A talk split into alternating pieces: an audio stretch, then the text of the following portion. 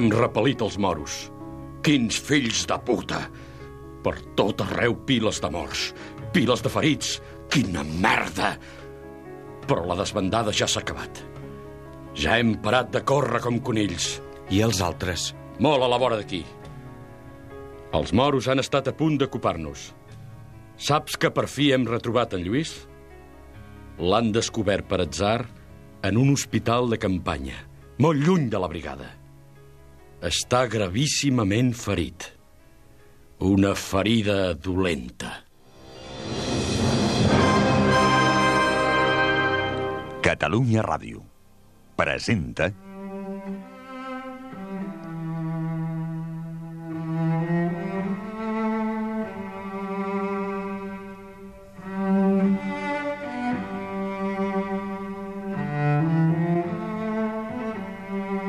Incerta Glòria, de Joan Sales, en una adaptació lliure per la ràdio d'Oleguer Sarsenedes. Muntatge Ramon Albero. Direcció Juan Germán Schroeder.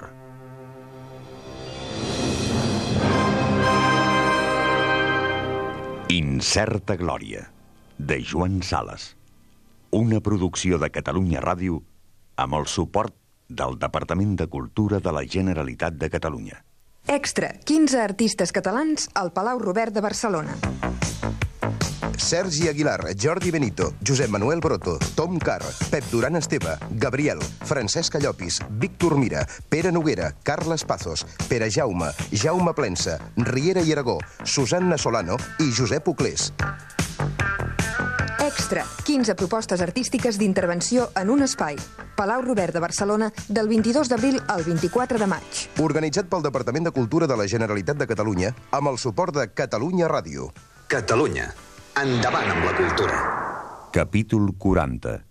Les cartes. Un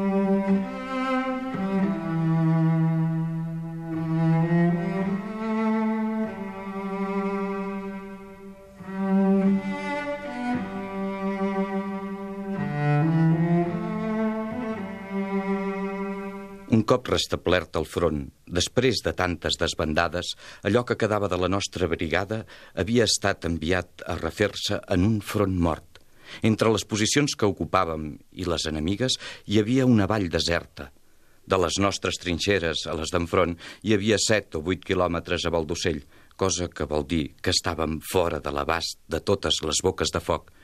I a sobre d'això havíem tingut últimament una gran nevada, tant com hi hauria aquells tres pams de neu en aquelles muntanyes, seria impossible llançar-se a noves operacions.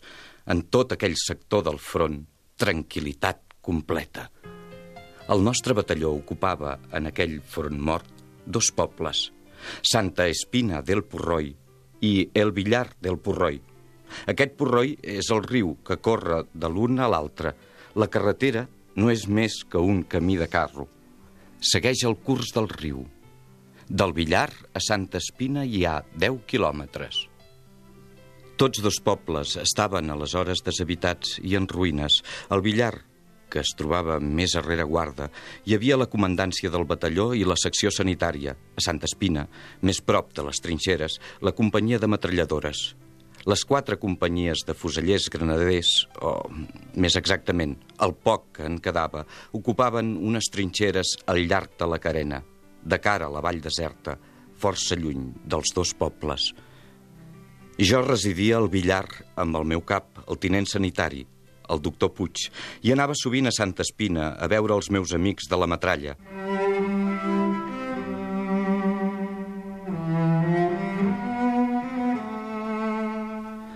seva sortida de l'hospital de campanya, en Lluís havia estat destinat a la companyia de metralladores. Es veu que aquell hospital era una porqueria, però en Lluís, per sort, no s'hi havia estat gaire.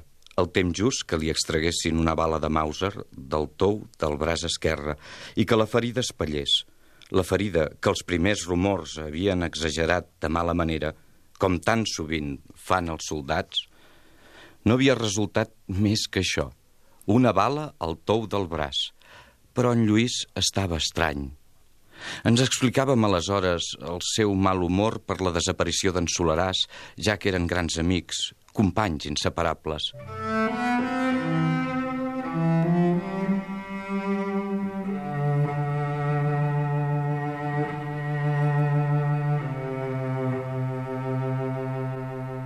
Vam celebrar el retorn de Lluís amb un sopar a Santa Espina, ofert pel capità de la metralla. Més lleial a l'exèrcit de Catalunya que molts comissaris polítics. Va ser durant aquell sopar en honor d'en Lluís que en Picó ens va parlar de la seva darrera troballa, a la terra de ningú, o sigui, a la vall deserta. Una copa de plata daurada, segurament dels temps dels moros. Se la va fer servir plena de birranci pel seu cuiner, a fi de veure la nostra salut. A mi se'm va escapar un crit. Capità! Què et passa? On ha trobat aquesta copa? És un calze. Però, Picó, és que l'has trobat en una església? És que no has sentit a parlar mai de la sang de Déu?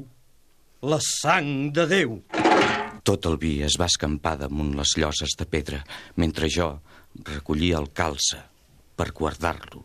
Ell rondinava. Si et penses, Cruells, que no sé què és un calze, he estudiat al seminari, jo. Ja es veu!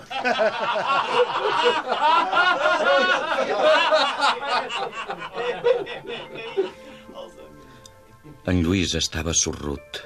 No va dir quasi res en tot el sopar. Va insistir tanmateix perquè em quedés a dormir amb ells a Santa Espina, cosa a la qual el doctor Puig no va trobar cap inconvenient. En aquella època no hi havia, en veritat, gaire feina a la secció sanitària del batalló. Era la primera vegada que passava la nit amb en Picó i en Lluís.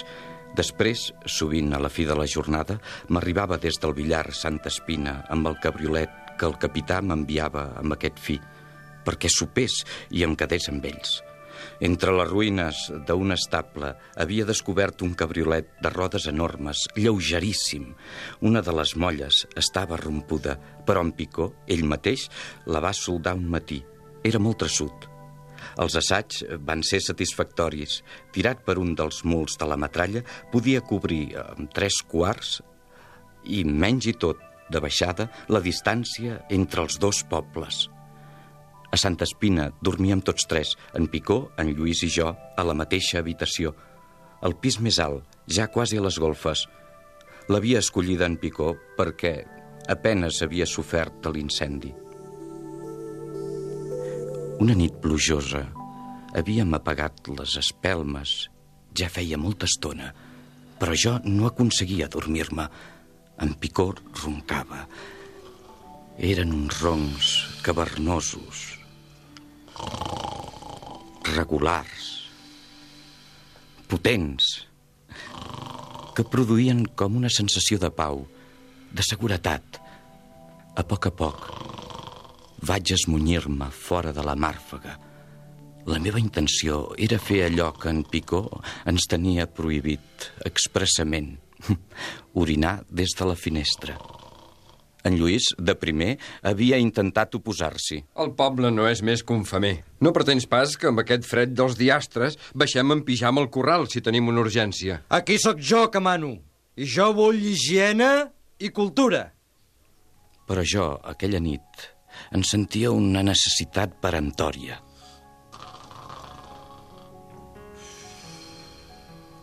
Un cop fora del jazz, el fred em feia patar de dents. Compte a no topar amb la cadira. La finestra, petita, baixa i sense vidres, es destacava al fons del dormitori.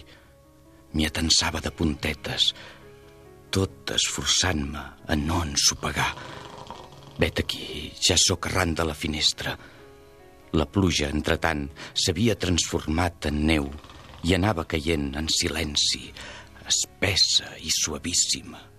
No hi havia al món altra claror que la molt vaga de la neu. El cel apareixia més fosc que la terra. Algunes volves esgarriades entraven dins l'habitació. En Picó no m'havia sentit. En Lluís també dormia. A les palpentes feia ara el camí de retorn. Seguia la paret a palpes, quan vet aquí que la meva mà va topar amb la motxilla d'en Lluís, penjada d'un clau de ganxo. La motxilla, la motxilla d'en Lluís. La meva mà es va esmunyir dins seu, sense que jo mateix me n'adonés, i va sortir-ne amb el paquet de les cartes. Jo havia vist sovint en Lluís llegir-les i rellegir-les. Una vegada li vaig preguntar de qui eren i m'havia respost secament. De la meva dona. Era tot el que jo en sabia. Havia estat més fort que jo. Havia tret el paquet de la motxilla i ara baixava. Per l'ull de l'escala pujava un fred polar i jo no parava de petar de dents. Se'n va escapar durant uns segons. Vaig estar-me immòbil. No m'havien sentit. A la llar hi havia una muntanya de caliu. Vaig remenar-lo amb els molls. La cendra es va cobrir de punts brillants. Si n'era d'acollidor aquell caliu en una nit com aquella. Vaig encendre un llum d'oli i assegut en un dels bancs em vaig posar a llegir. Ara en sento una vergonya que m'aclapara, com un pes molt feixuc. Haver llegit aquelles cartes és un dels fets més vergonyosos de la meva vida. Llegia amb avidesa, m'anava apassionant més i més per aquella vida desconeguda que hi descobria. M'anava alarmant, de carta en carta, endevinant una fi desgraciada, desgraciada per en Lluís. Quin pes em vaig treure de sobre. Res d'irreparable, res de trencat per sempre. Tot es podia soldar altra vegada. Només calia un tercer de bona voluntat que s'ho proposés. I aquest tercer, providencial, seria jo. Em sentia envaït per una onada de tendresa, en aquell moment, fins em semblava que l'impuls irresistible que m'havia dut a llegir aquelles cartes m'havia vingut de dalt. Sí, era claríssim. Una veu m'havia cridat. Jo podia fer tant de bé, ara que sabia l'essencial del problema. Era ja molt tard, tardíssim. M'havia passat cinc hores llegint les cartes. Calia tornar a pujar al dormitori abans no es despertessin, tornar el paquet a lloc.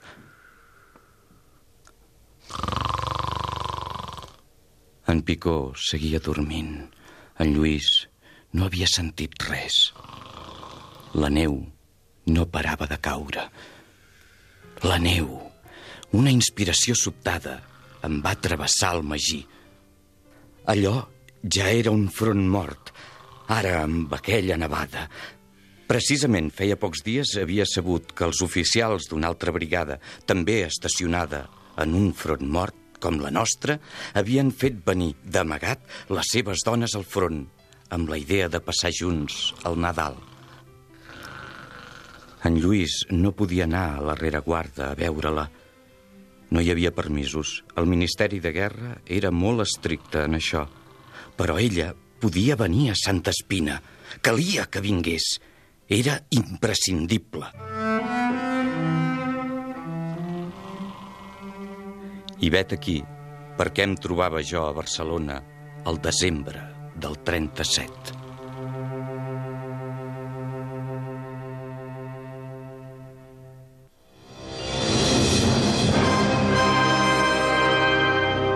Heu escoltat el capítol 40 d'Incerta Glòria, de Joan Sales, amb les veus de... Cruells, Enric Major. Rossic, Ramon Teixidor. Picó, Enric Cosí. Doctor Puig, Enric Casamitjana. Lluís, Gal Soler.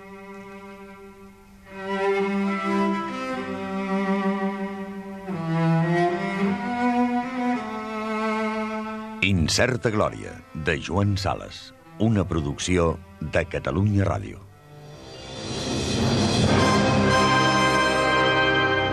Amb el suport del Departament de Cultura de la Generalitat de Catalunya. Extra, 15 artistes catalans al Palau Robert de Barcelona.